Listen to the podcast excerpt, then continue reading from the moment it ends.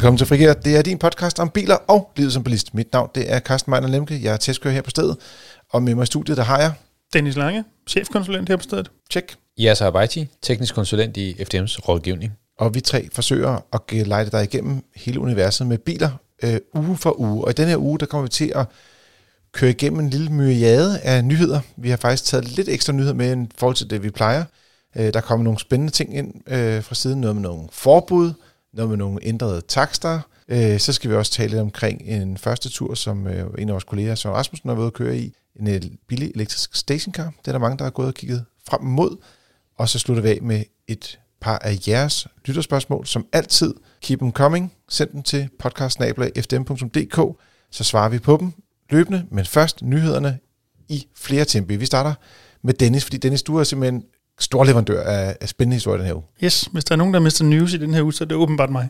Mr. News. ja, men øh, ved du hvad, jeg synes, vi skal starte i den, øh, i den skal vi kalde det, i den send-ende. Så hvis alle, ligesom medmindre man sidder bag rettet, øh, øh, lukker øjnene og ligesom går ind i sig selv og øh, øh, øh, føler, øh, hvordan man bare er en del af verden, øh, så skal man huske på, og det er det, der er nyheden, nej, det er jo ikke fordi, det er nyheden, man skal huske på det, at øh, ude på vejene, der skal der være plads til os alle sammen. Vi skal dele vejen. Og det er en kampagne, nu kommer vi til nyheden, som øh, Transportministeriet i år igen øh, har lanceret, som vi som FDM i også er med i, som grundlæggende går ud på øh, den her evige, jeg vil lige sige, kamp, der er mellem øh, cyklister, mest af alt motionscyklister nok, og bilister ude på vejene, landevejene nok mest af alt, er det der problemet bliver. Øhm, det, det, på motorvejene, der virker ja, som om, der er mindre problemer ja, præcis, med det her. lige så. præcis. Øh, og I på byen veje, kan det godt være På veje, hvor der er cykelstier, der er heller ikke helt så store problemer. Men nej, det handler jo sådan set bare om, at øh, vi skal alle sammen være derude. Jeg er faktisk ikke altid helt enig, fordi det kan nogle gange godt være der, hvor der kommer nogle lidt farlige situationer, hvor der er, der kommer ind til et lyskryds. Altså, det kan godt være, at der er cykelstier, men hvis du kører ind i byen, så kan det godt være cykelsti og lyskryds. Og der kan det godt være nogen, der har lidt svært ved at se det på grund af, at der er kommet grøn beplantning, der er biler, der parkerer ude i siden af vejen, og det er svært at, at se de her cykler. Der yeah. kommer, og endda nogle af dem faktisk med meget, meget høj fart. Altså øh, 30-40 km i timen kan de godt cykle ind i byen, hvis de har en racercykel, ikke? Men det er og ikke for at øh, øh, hvad skal vi tale, tale den konflikt eller det problem ned, det er bare et andet problem i godt. forhold til det, der ligesom er fokus i, øh, i kampagnen her, i hvert fald. Så, her handler ja. det om, at vi skal være gode ved hinanden, når vi kører på landevejene. Ja, altså jeg vil sige, hvis vi skal skære det meget ned til benet, så handler det om, at øh, øh, når man kører ud på, på landevejene, så skal man som bilist, der møder nogle en eller flere cyklister, øh, et, slap af. To, Mm. Lad være med at køre for tæt, når du overhaler, eller for eksempel, når du bare ligger bag ved dem. Og, og, og, og tre, lad være med at genere dem med at ja, køre tæt på, eller sprøjte sprinklervæsk på dem, eller pokker du måtte være, som vi desværre en gang imellem hører træls historie om. Kan jeg komme med en lille anekdote der? Ja, hvis, jeg må, hvis du må øh, parkere den i fire sekunder. Ja, for inden at vi sådan, øh, får slagside, så vil jeg lige nævne, at den anden del af det, det handler om, når vi skal ind til kernen, det er, at cyklist husk nu at overhælde loven. Og det vil primært i den her konflikt sige, hvis man kører mere end en, så er det altså ind på en række, hvis der kommer nogen, der skal overhælde, så skal man ikke ligge flere ved siden af hinanden. Så må du komme med din anekdote. Og det har jeg, jeg også prøvet, for jeg cykler jo, øh, hvad det, som sagt, så lidt som muligt. Det er mit mål. øh, jeg har sådan en cykeltur nede i Alperne, og, men der bliver jeg simpelthen nødt til, øh, for ikke at gå helt fuldstændig bag om dansen, og få cyklet sådan, ja, mellem 400 og 1500 km om året. Så det, det gør jeg, hvad jeg kan for at holde på det laveste niveau, og, og stadig overleve bjergene. Men det betyder, at jeg, jeg ender ude på de her landeveje. Ja. Også med en af de her carbon-racer. Jeg gætter på, at du gør det i Nordsjælland, hvor nærmest det ja, aller det værste stort set. Ja. Jamen, det er også fordi... Men, mængden af små landeveje kontra mellemledere på en racercykel er meget stor i Nordsjælland. Du glemte at sige overvægtige. Det sagde jeg ikke. Nej, men det siger jeg. øh, og det fede med svede og alt det der. Så kører vi derudad. Men, men jeg vil bare sige, øh, typisk er cyklisterne ret pressede, når de ligger derude, fordi de føler, at de skal op og køre 28 km i timen i gennemsnit måske, hvis de kan klare det. Og det kan godt være hårdt, hvis der er rigtig meget modvind. Så, så de er lidt presset, og så ligger de og cykler, og man tænker, at cyklen fylder ikke så meget, så de har ikke brug for så meget plads. Men der er bare sådan, at når du kører ud i siden af vejen, så er det også ofte derude, der er lidt skader, mm. og, og, eller der ligger måske en, en sten, man gerne vil undgå. Så nogle gange, så slår man som cyklist et lille slag, lad os sige 30-40 cm til højre eller venstre side, og i det her tilfælde mest kritisk, hvis man gør det til venstre, fordi så går man jo ud mod der, hvor bilerne kører. Og det er en af årsagerne til, at man skal huske at give det ekstra plads til de her cyklister, fordi altså, det, det ligger, de ligger lidt uroligt. Det kan være, at de også lige er i gang med at få noget vand, for ikke at dehydrere fuldstændig, øh, og komme hjem og skulle ligge øh, på langs to dage, for at, at komme sig over på den her ja, Tour de France ekspedition, som de, de, de kringer deres krop ud på. Ikke? Ja. Så jeg vil bare ja. sige, husk at give, holde god afstand til, biler, øh, til ja. cyklerne. Øh, de er ikke altid, de er så, skal man sige, at de fylder så lidt, som man tror, de fylder. Der var øh, absolut intet forkert i noget af det, du sagde, men jeg får mig bare til at tænke, at hvis man som cyklist oplever, at nogle konkrete vejstrækninger er øh, af den ene eller anden grund elendige, så man bliver nødt til, for eksempel, hvad kalder du det, at slå et slag, øh, ja. og dermed alt andet lige udsætte sig selv for trods alt en forhøjet risiko for, at der sker noget skidt. Måske man skulle finde en anden vejstrækning for egen skyld. Jeg siger det bare. Jeg ved godt, det ikke altid kan lade sig gøre, men, men det kunne måske være have med i tankerne. Ja. Øh, ikke, ikke for ikke at være i vej, men for måske at forhøje, forhøje ens egen sikkerhed. Jeg kan godt lide at vide, hvor jeg er henne. Men nogle gange, når man cykler, øh, så tænker man også, at ej, vi tager lige 10 km ekstra rundtur, og så kommer mm. du bare ud på nogle veje, du aldrig har været på før. Mm. Så altså, jeg vil bare sige, det, hvis du har sådan en fast rute, så ved man også, hvor det er farligt, så kigger du også over skulderen og tjekker ud. Men nogle gange, så kan man bare komme i en situation, hvor man altså, bliver nødt til at reagere på noget. Det kan være, der sidder et lille egen på vejen lige pludselig, eller noget andet. Det gør der også. man, Ja, det er ja. meget klassisk ja. øh, cykelproblem. Og så vil jeg så måske helt, og det er bare for en god ordens skyld, hvis der er en cykelsti, så skal, og jeg kan næsten ikke lave den streg under skal tydeligt nok, man som cyklist vil inde på cykelstien. Af åbenlyse årsager også dels, fordi det regner bilisterne sådan set med, at du er. Så hvis du insisterer på at ligge ude på øh, kørebanen som en undskyld mig idiot, så er risikoen for, at du bliver påkørt, del med også noget større ind på cykelstien. Det er sådan set derfor, den er der. Nogle gange, når man ikke kender områderne, så kan man godt overse, at der er en cykelsti. Og jo, jo, så når du men, først er kommet forbi indkørselspunktet, så kan du ikke bare komme, altså krydse ind over, så at sige. Ja, kan jo selvfølgelig altid, du ved, bremse ned, stige cyklen, og så lige trække de to meter ind til højre, så vi på cykelstien igen. Men du har ikke cyklet nok. Du, får, du har ikke fornemmelsen i det. Du tænker, ved du hvad, om 500 meter, så kan jeg komme ind, så gør det dernede. Nå. Ja, så skider man bliver kørt Og så punkterer man også lidt sjældnere på landevejen, end man gør på cykelstierne. Men det er en helt anden diskussion. Det tager vi ikke i dag. Ja, men igen, bare lige for at understrege det, hovedpointen er jo sådan set, det håber jeg også, at nogen trods alt kom frem her. Det er jo ikke fordi, at det her nødvendigvis er den ene eller den anden parts skyld. I min optik, så har de to parter, henholdsvis bilister og cyklister, på hver sin måde nok ikke noget at lade hinanden høre sådan i, i brede termer. Begge parter skal sørge for, at alle kommer sikkert hjem, og skal sørge for at overholde loven og vise hensyn osv. Og så er vi tilbage i kampagnens budskab. Vi deler vejen. Og ja, så du, øh, du er ikke blevet tyk nok til at cykle endnu, kan jeg se. Øh. Eller også cykler han. Cyk, cykler, cykler ikke, du på racercykel? Nej, ikke på racercykel, på en helt almindelig, hvad hedder sådan en bycykel. Ved du hvad, og hvis det er sådan en god tung en, det får man virkelig også meget mere motion af. Ja. I stedet for sådan noget letvægts carbon, der bare glider derud af, kommer der ingenting ud af. Nej, jeg synes, det, det interesserer mig ikke rigtigt. Øh, jeg synes bare, det er interessant at se, hvor mange af de her lidt større mennesker også, at de, at de kan køre med 40 km i timen foran mig, og det finder jeg så ud af, det er jo fordi, det er elcykler, så det er mm. ret imponerende, fordi jeg tænker, jeg, jeg prøver, og jeg træder alt, hvad jeg kan, alt, hvad jeg har, øh, og alligevel så er der en, der virker sådan rimelig afslappet, vejer måske tre-fire gange så meget som mig selv. Øh, mig, for eksempel. Øh, det kunne godt være dig, for ja. eksempel, Carsten, men, men, men øh, virker ikke særlig, øh, hvad hedder sådan noget? Altså, Atletisk? Måske. Nå, ja, jeg, jeg virker, ikke, ja, jeg virker ikke særlig presset, og alligevel Nå, så okay. kører jeg 10-20 km i timen hurtigt, jeg gør. det, det er lidt irriterende.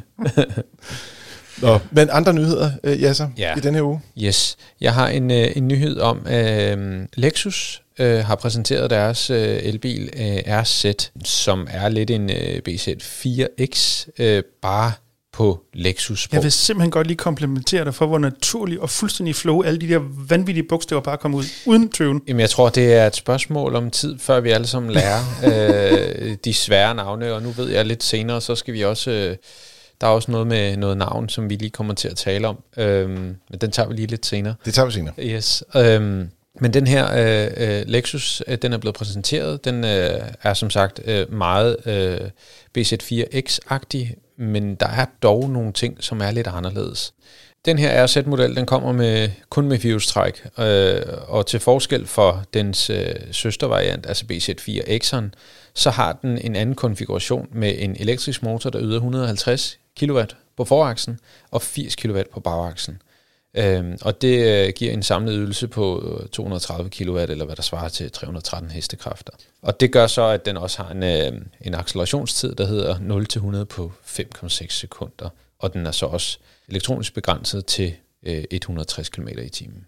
Så man kan faktisk sige lidt, hvis man gerne vil have en lidt mere high-powered udgave af Toyota'en, så er det en Lexus, man skal købe. Ja. Sådan firkantet set. Lige præcis. Men, men der er også mere i det, fordi at øh, man kan ikke øh, kun... Øh, Altså, der skal jo også være en forskel fra, fra Toyota til mm. øh, jo, jo, jo. Lexus. Ja, ja. Og der er nogle, uh, nogle andre ting, som, som jeg er faldet over, som jeg synes er meget fede. Uh, blandt andet det her, uh, blandt andet det her uh, uh, glastag, som der er øh, som man kan tilkøbe med, med elektronisk øh, lysdæmpning, så slipper man helt for at have det her gardin. Åh, oh, det er det, hvor du trykker med knapper, så Ja, bliver ja. det mat, var jeg lige ved at sige, Lige eller præcis. uigennemsigtigt. Lige præcis. Og så, så kan du så dæmpe øh, øh, lysgennemtrængningen. Øh, og det synes jeg faktisk er meget fedt. Øh, lidt øh, ligesom Tesla, øh, hvor Tesla, Tesla egentlig bare har et, et, et fast tag. Jeg synes aldrig, det har været et problem de gange, jeg har været ude og køre i en Tesla. Mm. Men her, der har man i hvert fald mulighed for at, at, at justere lidt på, Altså når du siger et fast tag, så mener du fast øh, glastag Fast på en glastag, Model 3? Eller, hvor der ikke er mulighed for at, hvad kan man sige, at, at justere på, på lysstyrken. Men det er der så. Tænk, jeg husker, at Tesla, så har de det sygeste filter sat på, for at du ikke skal blive stegt. Ja, det, den, det, det ser faktisk meget sjovt ud i regnvejr. Hvis, jeg ved ikke, om I har set en, øh, et, øh, et glastag på en Tesla i regnvejr oppefra. Ja, sådan, bare, bare lige, hvis du prøver ligesom at kigge ned på det, det ser, meget, det ser faktisk meget fedt ud. det kan jeg godt lide. Det er sådan en nørdet detalje. Øh, Jeg, jeg ved ikke, om der er andre, der har set det, men øh, jeg synes, det ser meget fedt ud. Ja, så du må tage mig i hånden en dag, så må vi gå ud og kigge på det sammen og stå og Det gør smile. vi. Det gør vi. Øh, Udover det her, så, øhm, så arbejder øh, Toyota Lexus også på at, at, at implementere, at man får en øh, steer-by-wire-teknologi. Øh, det vil sige, at der er ikke øh, forbindelse fra, din, fra dit ret gennem din retaksel og så ned til tandstangen. Øhm, jeg er ikke sikker på, hvornår og øh, hvordan det her det kommer til Europa. Øh, der er noget med nogle typegodkendelser, og der er nogle, nogle, nogle forskellige ting. Øhm, men måske på et tidspunkt, så, øhm, så er det også en mulighed at bestille øh, en sådan øh, teknologi til, til en dansk Lexus-bil eller til Toyota, fordi det kommer også på Toyota på et eller andet tidspunkt. Så der er en, øh, en masse øh, interessante ting, som, øh, som der kommer der.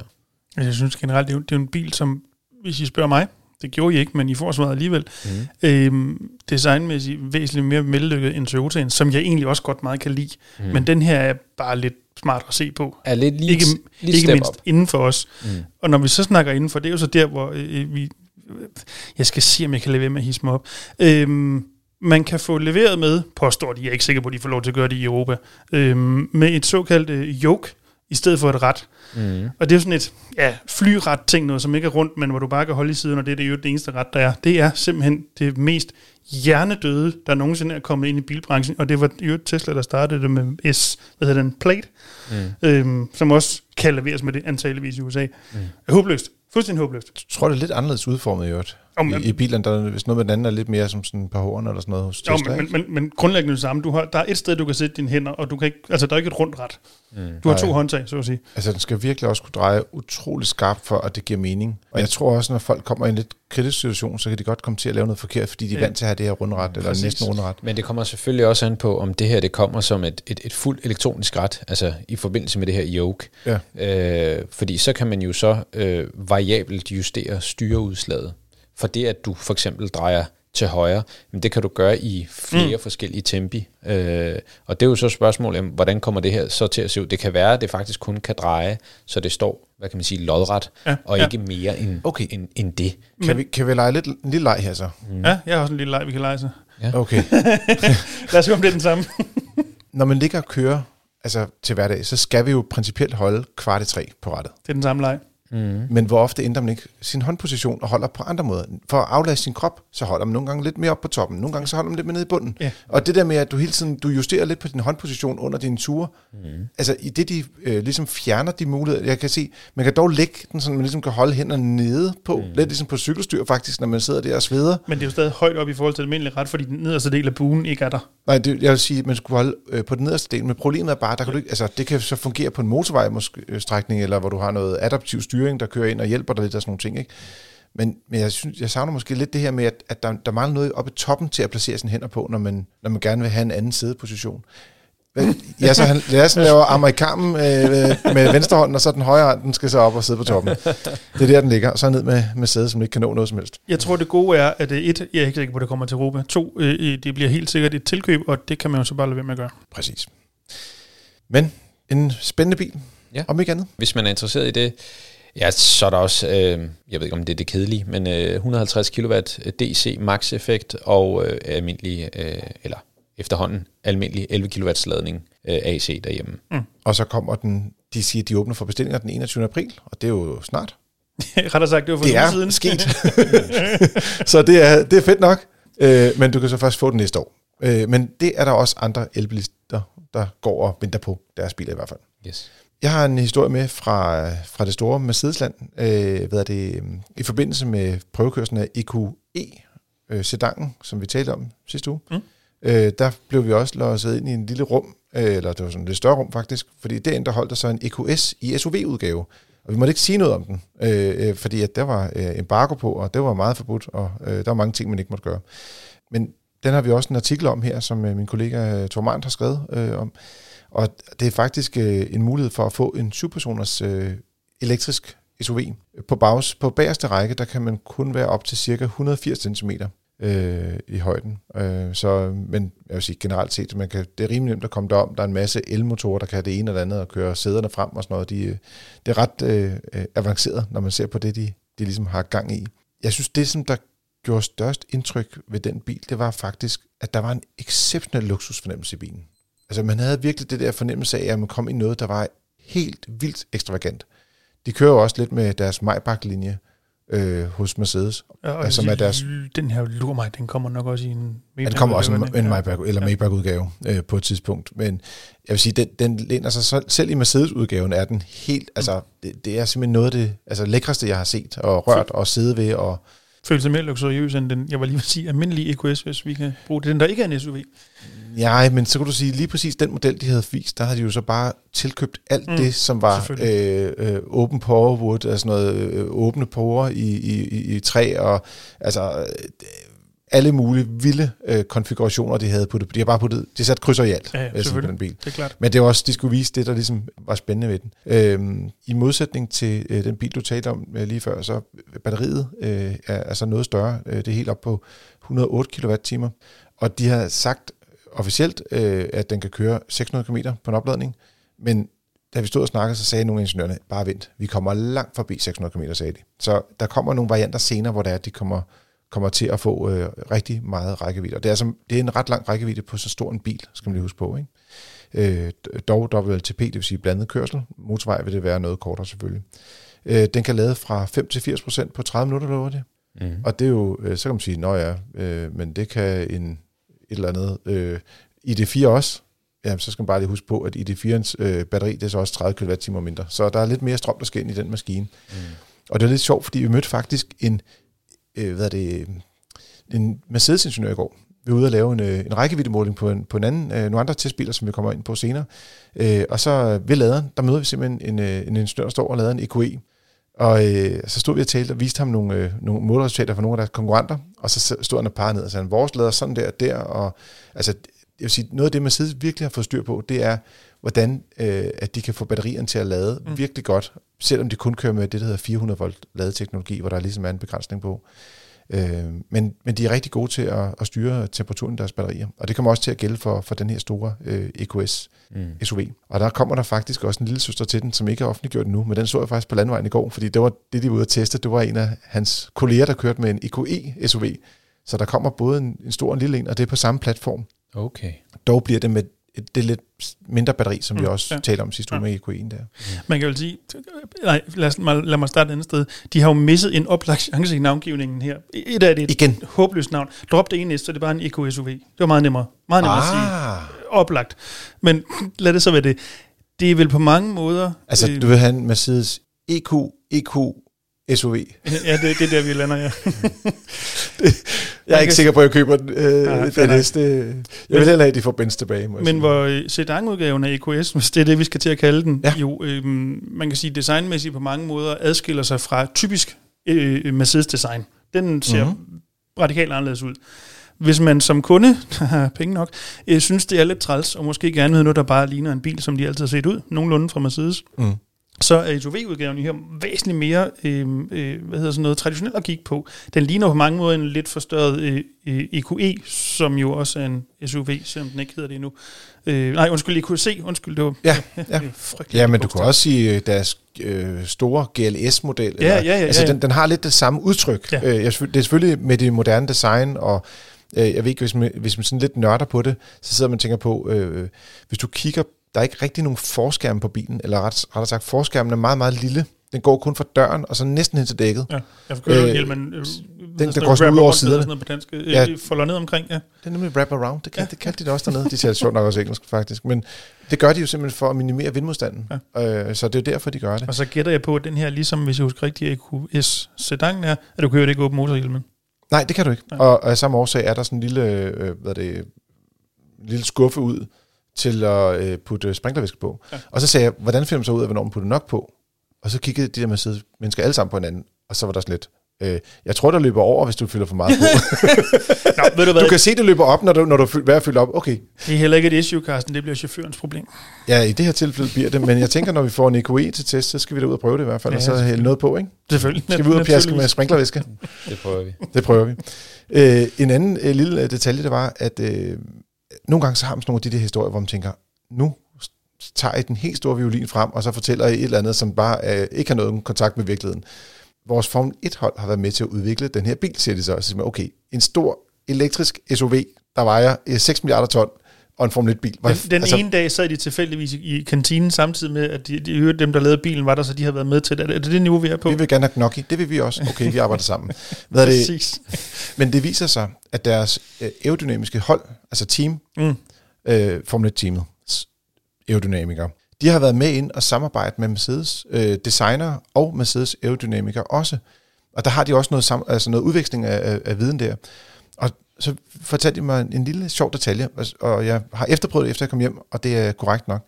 Hvis du tager fat på trinbrættet, hvor man i øvrigt kan stå på, selvom man vejer 150 kilo, Mm. jeg skal jeg lade til tyskere det, ikke? Så, selv, og selv jeg kan stå der, som man siger Rigeligt. rigeligt. Øh, så hvis du mærker på bunden af det, så er det ikke fladt, eller du ved, normalt øh, ser de bare sådan pæne ud, Mm, mm. men det har sådan nogle små skulpturting på sig, og det er for, at vinden den kommer rigtigt ud fra bunden af bilen og ud til siderne, for at minimere vindmodstanden. Mm. Og, og, den, og den har ændret formen hen langs med bilen en lille smule.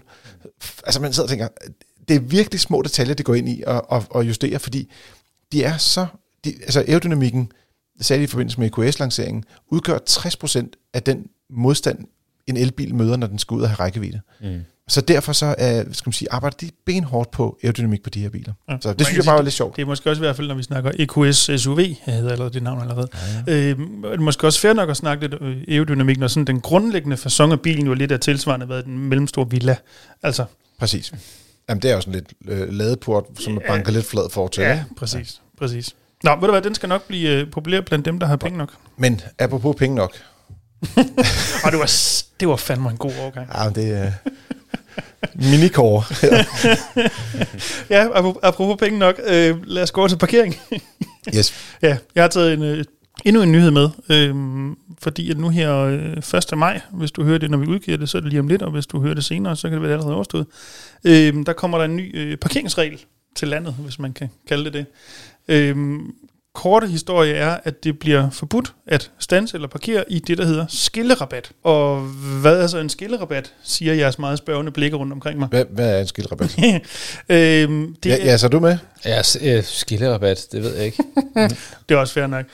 Det er en rabat, som, hvis vi nu tager den officielle øh, betegnelse, en rabat, der øh, adskiller øh, forskellige færdselsarter, og oversat til lidt øh, måske mere dansk. En rabat for eksempel, der er mellem kørebanen og cykelstien, eller kørebanen og fortoget, eller for den sags skyld mellem cykelsti og fortoget. Om det så er en græsrabat eller grusrabat eller noget fire, det er sådan set ligegyldigt, men det er areal, der øh, ligger imellem, så at sige. Så hvis der er fuldt optrukken linjer, eller der, hvor vejbanen stopper, og så over til der, hvor cykelstien er, Ja, det, eller, det stykke, eller, eller fra kantstenen måske også bare til en cykelstien. kantsten, ja okay, det er også, Ja, ja, ja. også en markering, en hård markering af øh, en hård, kørebane. ja. Ja. Ja, lige, lige præcis. Øhm, der, øhm, der må man ikke være mere, hverken helt eller delvis. Hvorfor har man valgt at, at indføre det, kunne man forestille sig øh, at stille spørgsmål om, for eksempel? Øh, og det er jo ikke dig, der har lavet det, vel? Nej, det er ikke mig, der har lavet det. Altså Nej. jeg vil sige, grundlæggende tror jeg, hvis vi sådan skal starte et eller andet sted, så handler det jo selvfølgelig som altid med parkeringsregler om trafiksikkerhed. Øhm, problemet, når du holder sådan et sted, er, at du godt kan, uds, øh, man kan sige, være i vejen for udsynet i forhold til, hvis, hvis du skal krydse, øh, øh, øh, som man kan sige, køre med en cykelsti og så videre, kan Mm. der være noget issue der.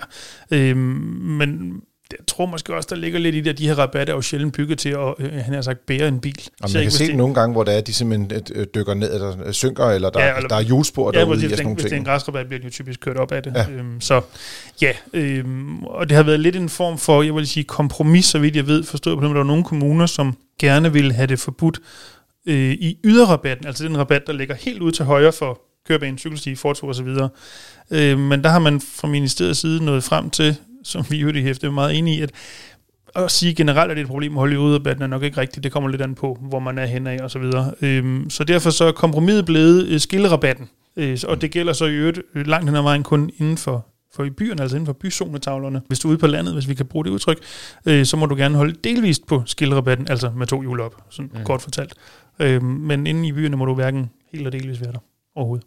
Hvis nu vi siger, at det er fordi, at man har set en fugl, man godt vil tage et billede af, eller at man skal eller, ja. eller hente øh, sin cykel, der er punkteret, og som er blevet repareret af cykelmekanikeren, eller noget af den stil, så kan man jo godt lave en parkering. Men nogle gange sker der jo det med biler, at de skal øh, snakke med jasser øh, kort tid efter, at motoren er gået i stykker, eller øh, bagsophænget knækket, øh, så ender man jo med at holde der alligevel. Så går ud fra, at det, altså, må man godt, eller hvor lang tid, hvis, der er en, altså, hvis nu du har et nedbrud på bilen, ja. så kan du ikke bare sige, jeg tager lige min 2,8 tons elbil og skubber den forbi skillerabatten hen til et sted, hvor der ikke længere er en skillerabat. Nej, der er to ting, for jeg vil egentlig godt lige starte et andet sted, end det du spørger om, men det fører hen til det, du spørger om. Godt.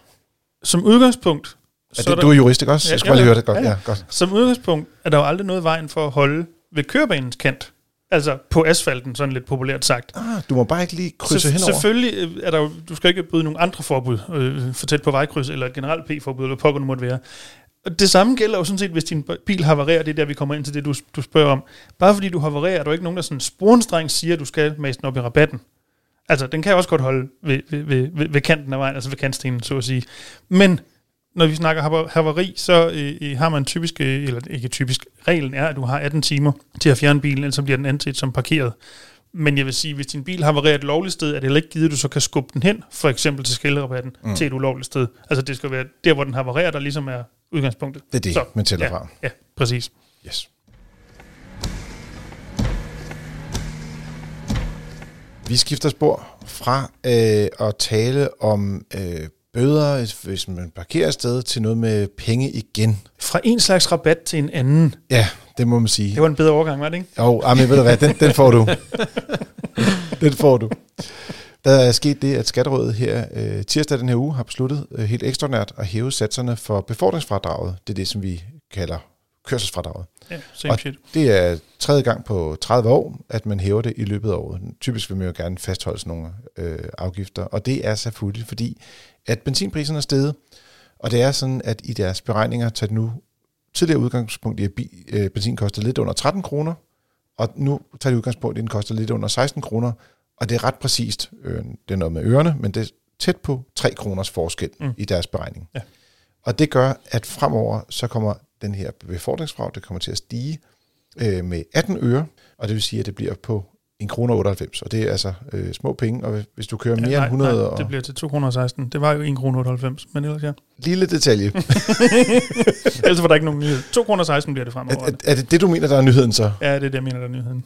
Godt. Ja, men ellers var det rigtigt, det du sagde. Og øh, hvis man kører mere end 120 km, øh, så stiger det til 1 krone og 8 øre. Ja, og det er jo det her fradrag, vi snakker om, som du får, hvis du har mere end 24 km til og fra arbejde, altså lagt sammen, øh, så får du fradrag per kilometer for de kilometer, du har over. Hvis du har over 120, så er det sådan en lavere sats. Helt som det altid har været.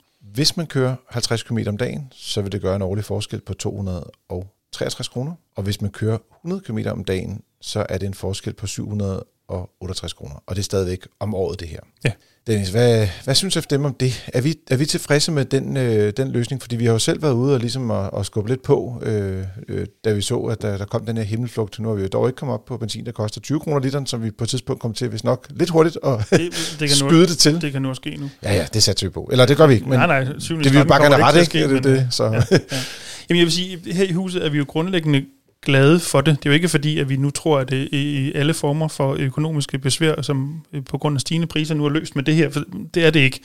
Øh, men det er absolut den rigtige vej øh, at, at gå, og en hver, hvad hedder sådan noget, en hver bæk gør en stor å, det hedder det overhovedet ikke, men I ved, hvad jeg mener. Øhm, det er godt, der kommer flere penge vores vej, ja, som bilister. Præcis. Eller, øh, det, ja, det er til bilister jo. Ja, ja, det er i hvert fald til bilister, der, der kører på arbejde meget specifikt. Det er jo ikke alle bilister, der er god mm. for det her, øh, fordi det er et øh, det fradrag, der har hængt op på, at du går til og fra arbejde. Øhm, så det er sådan set rigtig positivt, men vi synes måske ikke, at det er gjort ved det, hvis man kan sige det sådan. Øhm, vi så gerne, at man også gik ind, og det er sådan noget, politikerne skal på banen øh, øh, omkring, i modsætning til, til øh, Skatterådet, som har klaret, hvad skal vi sige, første step. Fordi det er sådan, at de her befordringsfradrag, det har det, der hedder en ligningsmæssig værdi på sådan cirka 25 procent. Det vil sige, du får ikke økonomisk effekt af hele fradraget, men kun af cirka en fjerdedel af det. Øh, og den andel synes vi, at man skulle hæve, og det er sådan noget, politikerne de kan gå ind og gøre ved at lave en lille lovændring, sådan at du rent faktisk får en større gevinst ud af befordringsfradraget, og dermed i højere udstrækning bliver, skal vi kalde det, kompenseret for de høje brændstofpriser. Det lyder som altid fornuftigt. Mm. Og jeg er bare forvirret på et højere plan. jeg har faktisk et spørgsmål ja. til det her, Dennis.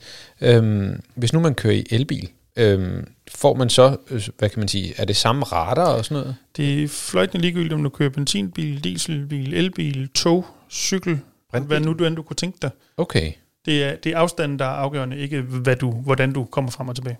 Det ja, ja, du kan sige, det har, ikke, det har ikke noget at gøre med, at du kører i bil. Det har noget nej, at gøre med en, en afstand til dit arbejde i virkeligheden. Ja, ja. Okay. langt de fleste kører så i biler, det er det, fordi man kan sige, at taksen er hængt op på det, men det er ikke påkrævet, at du kører i bil for at få øh, befordringsfordraget. Okay.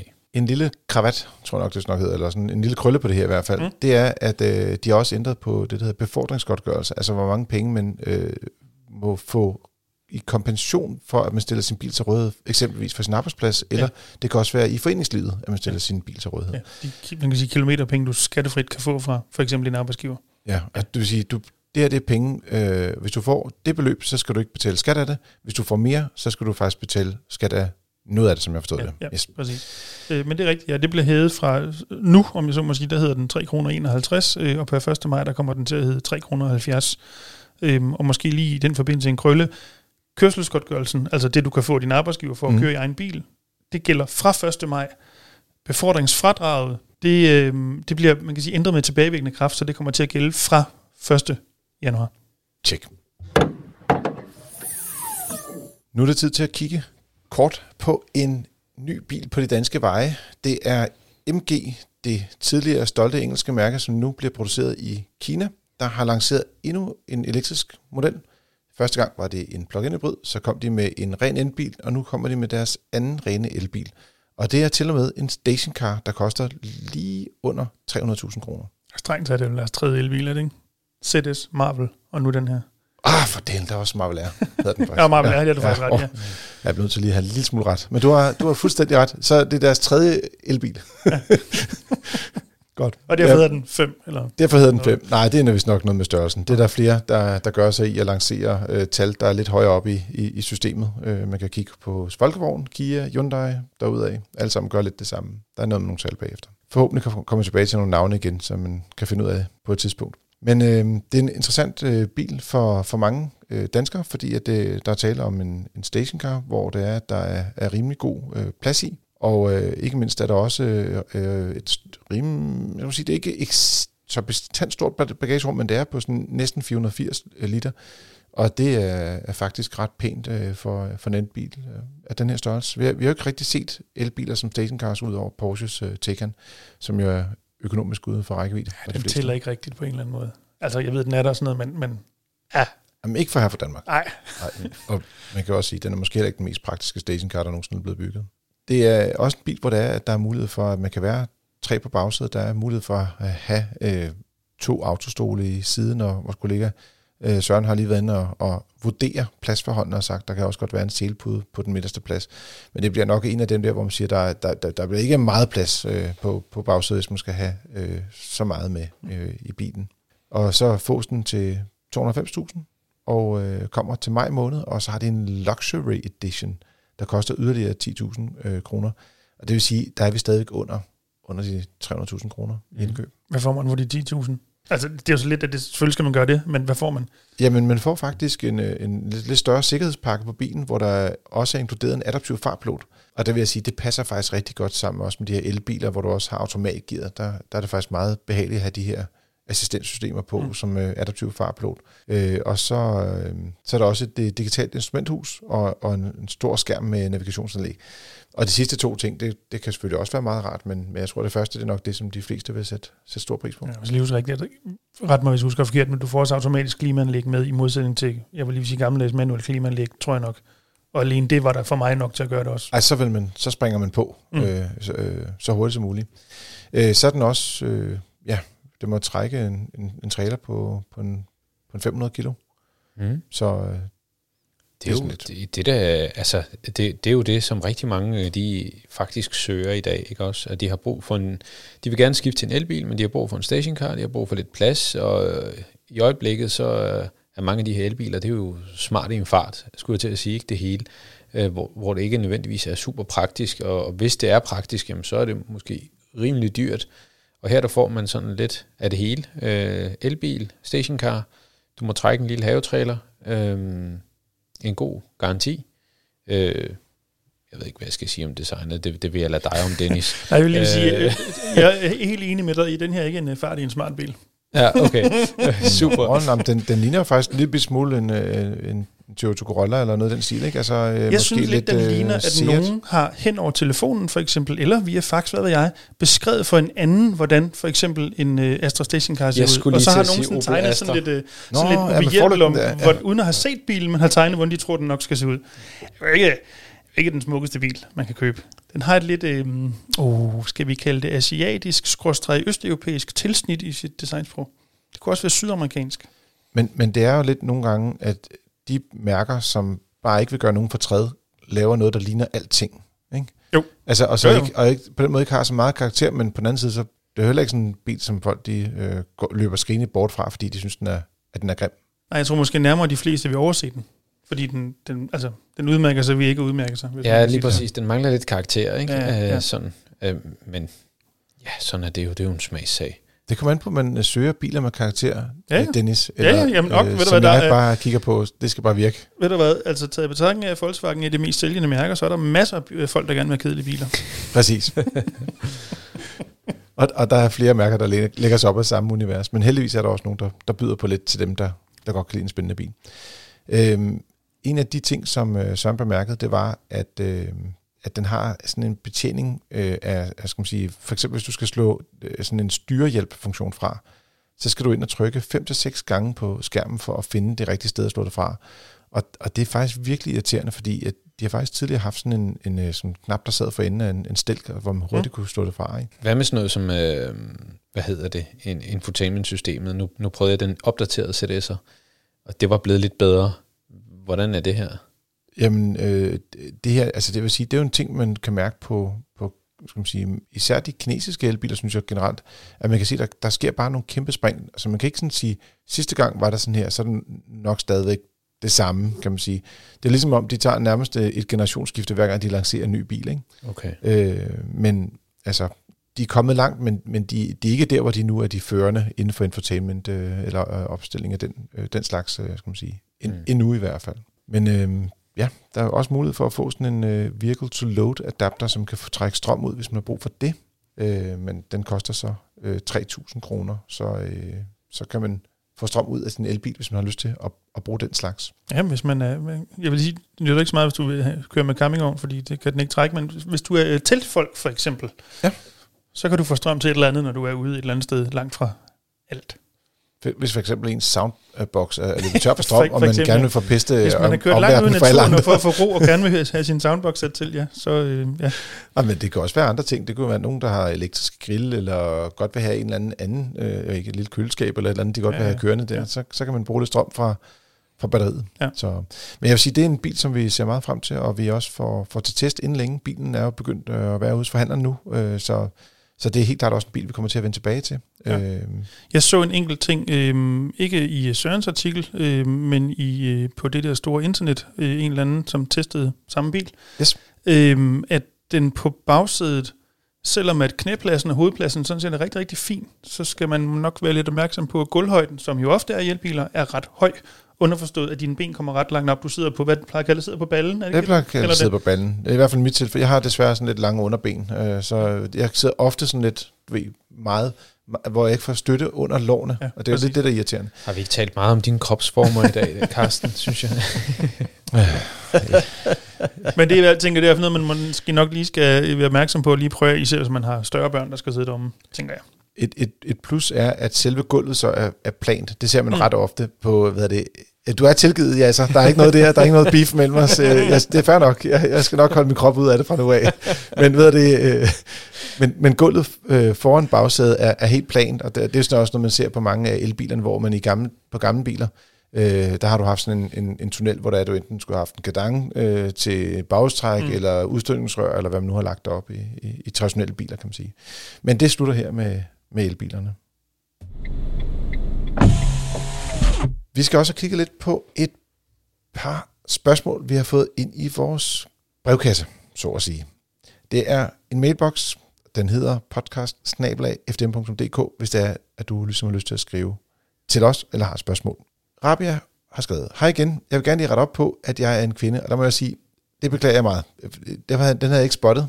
Øh, Nej, det er fordi, vi har haft et spørgsmål fra Rabia for jeg kan ikke huske mange afsnit siden. Nogle afsnit siden. Af samme årsag siger hun hej igen til at starte ja, med. præcis. Så, bare lige for lige, at den gav mening. Ja, så øh, vi beklager, øh, Rabia. Øh, men du har også et spørgsmål her, der hedder, øh, hun vil godt høre om vores sammenligning af Q4, det er Audi Q4, eller Mercedes-Benz EQA. Øh, og så har hun også spørgsmål om noget leasing bagefter. Og jeg vil sige, Q4 og EQA er jo, jeg vil sige, der er noget mere plads, hvis man vælger en Audi Q4. Det er vel strengt taget også en nummer større model, er det ikke vel Jo, men nok? det er fordi, at en EQC'er er nærmest næsten også lidt større end en, e- altså, end en Audi Q4. Det, så de lig, Mercedes-modeller ligger mere, lidt skævt. Ja, og så er det måske mere EQB, der er tættere på EQB'en en, kunne godt være tæt på en, ja. en, en, en Q4 faktisk. Ja. Men jeg vil sige, det er begge to gode øh, modeller, øh, og, og jeg synes faktisk, vi har haft nogle ret gode øh, erfaringer med det. Måske lader øh, Mercedes lidt langsomt, hvis det man kører mange kilometer, øh, Øh, og rækkevidden generelt er også længere over hos Audi. Øh, men jeg tror, her der kommer man altså til at, at købe bil på mavefornemmelse. Altså, kan, vil man have en stjerne, eller vil du have fire ringe? Øh, føler du dig godt tilpas, når du sidder inde i bilen? Har du godt udsyn og sådan nogle ting? Øh, så jeg tænker lidt, det, det, den, jeg synes, begge biler er gode biler, øh, men man bliver nødt til at prøve dem begge to og finde ud af, hvilken det er, der, der føles rigtigt. Hvad tænker I? Jeg tænker, øhm, altså, ja, det her, det er lidt øh, et, et spørgsmål om temperament. Øh, det, det, jeg tænker, det er også, hvad kan man egentlig få fat i? Øh, det, det, det er nok mere det, der er mit, øh, hvad kan man sige? Ja, det er en det, stor det, udfordring lige nu. Lige præcis, fordi kan man få en Q4, og i hvilken konfiguration, og, og også i forhold til EQA'en, øh, om, så skal man jo så også vurdere, om, om, om pladsforholdene er, er gode nok i EQA'en, og hvor lang tid er der leveringstid på sådan en. Øh, skal man ty til det brugte marked, eller, eller hvad gør man? Øh, men jeg har ikke noget negativt at sige om, om de her... Jo, garantien er ikke særlig øh, imponerende. Men det er lige lændigt på begge to, synes Lige præcis. Ja. Øh, men, men, men ellers så den ene frem for den anden, det, det har jeg ikke rigtig noget sådan umiddelbart og negativt at sige om. Øh, Rabia, hun har også et spørgsmål omkring leasing af elbiler. Det er sådan, at hun har haft en, et tilbud, der hedder, hun skal betale ca. 280.000 kroner. Jeg går ud fra, det er samlet omkostning over tre år, og nyprisen på samme bil er 480.000. Og det vil sige, at så skulle elbilen kun være 200.000 kroner hver efter tre år. Mm. Jeg vil bare sige, det understreger jo bare, altså det er den i hvert fald. Mm. den kommer ikke til at tabe så meget værdi på tre år, det er helt urealistisk. Mm. Så øh, hvis man har råd til det, så vil jeg sige, det kan altid svare sig at købe en elbil. Mm. De eneste tilfælde, hvor det, er, at det ikke kan svare sig, det er, når der er en bilproducent, der har lavet en virkelig håbløst dårlig elbil, de ikke kan komme af med, og de derfor bliver nødt til at lave nogle sindssyge kampagner for at ligesom få bilen ud at rulle. Men det sker sjældent, og i øjeblikket, hvor der er, der er et kæmpe mangel på biler, så kommer det ikke til at ske. Jeg vil godt udfordre den bare en lille myg med en bil. Polestar 2, de kører nogle ret fornuftige leasingpriser. Trods ja, alt. Men hvis du laver beregning på det, så tror jeg stadig, du vil se, at det vil være billigere at eje den over tid. Ja, det kommer så også ind på, hvor mange. Altså, taler vi tre år, eller taler vi et år, eller taler vi fem år, mm. eller taler vi otte år? Altså. Tre ja. år på en uh, Polestar til 470 cirka, der ender du betale lige nord for 200.000. Okay. Det synes jeg faktisk er et ret okay deal. Ja, det er ikke slemt, men det er nok nogenlunde det samme. Finden er bare... Øh, men du kan sige, du har den fordel, at du kan komme af med bilen. Ja, det, ja. det, er jo, det er jo leasing, øh, skal man sige, fordelen. Det er, at du siger, altså, hvis der er sket et eller andet, øh, øh, lige pludselig købe på benzin igen, eller whatever, der er kommet Power to X, er, blevet, er begyndt at rulle i tankstationerne lige pludselig, øh, jamen så har du ikke brændt nallerne på den konto. Ja. Men, men sådan som markedet ser ud, jeg tror stadigvæk også, at man, når først folk har deres biler, altså mindre man er typen, der bare hele tiden skal have nyt, nyt, nyt, mm. så vil der være en fordel i at, at købe elbilen, altså beholde den i fem år, i stedet for at, at lease en ny bil hver tredje år faktisk. Altså så kan man så også sige, at de her biler har en, en uh, dårlig garanti på to år, eller en ikke specielt imponerende garanti på to år. Jeg vil ikke kalde den dårlig, men det vil jo så være der, hvor leasing måske også hjælper lidt på det, ikke? Så kender man omkostningerne, der er forbundet med, med, med, med det her ejerskab. Øhm, så det er måske også værd at overveje at, at gå i den retning. Og så siger hun tak for de podcast, vi laver til hende. Og Rabia, selv tak for at lytte med. Vi har også fået en øh, mail fra Morten. Han siger, tak for et godt program. Keep it up, I er gode. Øh, hvad er det? Og så undrer han sig lidt over Euro NCAP. Øh, det er sådan, at en folkevogn ID3 øh, elbil øh, fik fem stjerner i Euro NCAP, og det er fint. Så siger han, men Cooper Born for Seat er ikke testet. Og som jeg forstår det, har den knæairbag, hvilket ID3 ikke har. Og så er der noget med noget midterairbag, som så åbenbart mangler i, i Spanien, men det er i øh, folkevognen. Hans spørgsmål går på, øh, kan man så øh, slippe for UNCAP-kravet hos Elborg, øh, hos, øh, skal man sige, hos Seat eller Cooper, og, og så sige, at den der borgerne også har samme antal stjerner som folkevognen. Men øh, vi var lige nede og kigge på det her, tal lige med Søren Rasmussen om det, som øh, står for vores UNCAP-del, øh, fordi at, øh, det var et spørgsmål, som lige var lidt øh, mere øh, underligt, end jeg lige umiddelbart øh, kunne finde ud af her. Øh, og det viser sig, at vi var inde og krydstjekke, øh, fordi at det der med at ændre på øh, sikkerhedskonfigurationer af biler, sker utrolig sjældent. Mm. Øh, og derfor så, hvis der er der nogen, der har en platform, så er det meget sjældent, du lige pludselig øh, fjerner, altså en knæbag kan du godt fylde på, men den der midterbag, der sidder i sæderne, det vil være meget mærkeligt, men man vil tage den ud. Og det forekommer i hvert fald, ud fra det vi kan se, at, at det er simpelthen en fejloversættelse i den danske øh, brochure for Cupra. Øh, og det vil sige, at øh, når man ser på, på dataene fra udlandet, blandt andet fra Tyskland, så kan du se, at der er tale om en midter-airbag, også i, i Cupraen, det vil sige, at de har den samme sikkerhedspakke. Og det betyder også, at man i princippet kan lave en såkaldt skrivebordstest af Cupraen og give den fem stjerner. Øh, det vil få samme årstal som øh, i det 3 test af 2019, øh, men, men den er ikke officielt testet nu, og de har ikke bedt om at få lavet den her skrivebordstest. I hvert fald har vi ikke fået resultatet tilsendt nu. Mm. Lidt ligesom, hvis jeg husker rigtigt, at uh, Volkswagen op og Skoda Citigo, og hvad hedder den så, Seat mm, Mi, mm. ja. også kørte, kører, kørte på samme øh, øh, UNCAP-test, fordi det grundlæggende er samme bil. Præcis. Og det er også sket med nogle Dacia-modeller også, der også har mm, næsten ja. samme test, fordi der, man tester jo ikke bagfra, så det vil sige, for eksempel kan en stationcar-variant jo godt gå ind under det, som der er testet som femdørs-variant ja. også. Ja. Så har vi fået en, øh, en sidste lille uh, mail, og det har været så venligt indtil nu. Uh, det er Jesper, han skriver, hej Frigir, er det ikke lidt usagligt at anbefale en lytter, der sætter sikkerheden højst, at købe en Kia Picanto, en Volkswagen e-op eller en Hyundai i10? Uh, det er i bedste fald to-stjernede biler, hvis de blev testet i 2022. Og vi har selvfølgelig gået tilbage igen, lyttet øh, til podcasten øh, og, og hørt, hvad vi har sagt, og vi stiller naturligvis, øh, skal man sige, røvende klaskehøjde, og nu lovede jeg jo, at vi ikke skulle tale om min krop, så det er Dennis i det her tilfælde. Øh, lille segway der, øh, fordi at øh, så han var så fornuftig at foreslå en e-golf, og jeg sagde, at jeg tager en Toyota, øh, jeg er Ja, ja, ja, det er alle tre af mine forslag. Bud, eller Bud. hvad man skal kalde det. Ja. Men Andreas, som var stillet spørgsmål i sin tid, han havde disse kriterier. Sikkerhed, driftsøkonomi og så lidt bøv som muligt. Og han går ikke kun efter nye biler. Så øh, jeg tænker bare lidt, det var jo ikke kun det, han har bare nævnt det som det første. Nej, præcis. Men Dennis, du, du, ja. du får lov til at komme i din forsvarstale, og så kommer vi andre til at roaste dig lidt bagefter. Ja, tak, tak. Øh, men nej, det, det er jo rigtigt. Altså, øh, Andreas, som, som skrev ind dengang med spørgsmålet, det var ikke kun sikkerhed, han gik op i. Han gik også op i sikkerhed. Øh, og som det jo altid er, så er det jo et kompromis når man skal mm. vælge en bil, især når man har et budget. Øh, hvis der ikke var noget, så var alting meget, meget nemmere. Øh, så, så derfor kigger jeg ikke specifikt kun på for eksempel femstjernede biler. Øh, men jeg vil dog sige, måske også bare for en god skyld, Picantoen er i de udgaver, man altid kan købe i Danmark, en firestjernet bil, som trods alt er en ganske fornuftigt øh, rating. Præcis. Øh, så det var derfor, jeg foreslog, som jeg gjorde. Jeg kiggede ikke kun på sikkerhed, fordi der var simpelthen andre kriterier at kigge ind over. For eksempel det her med øh, driftsøkonomi og så lidt bøvl som muligt, hvor sådan noget som en 7-års Kia-garanti eller en 5-års Hyundai-garanti, alt andet lige peger i den retning. Øhm, men altså, jeg vil sige, det er jo ikke fordi, jeg tror, at Andreas nødvendigvis har gjort nøjagtigt, som nogle af os tre har sagt, men, men det er jo bud fra vores side. Jeg er 100% sikker på, at han har fulgt mit råd. Det vil, det vil, det vil klart øh, det vil være det mest fornuftige. Super. Han har helt sikkert ikke fulgt mit og Jassers råd, så. Nej, Nej jeg, sige. jeg synes også, at den der e-golf var, var et godt bud. Man kan også sige, at den der med en brugt e-op, jamen det er jo klart, når man tager en ældre konstruktion og kigger på det, jamen så går du lidt på kompromis med sikkerhed, men til gengæld så får du bare en, øh, en markant billigere bil, når du går i den retning. Og der må man sige, så må han jo gå ind og vurdere lidt, hvor, hvor det er, han synes, hvad der er væsentligst for ham, kan man sige. Ikke?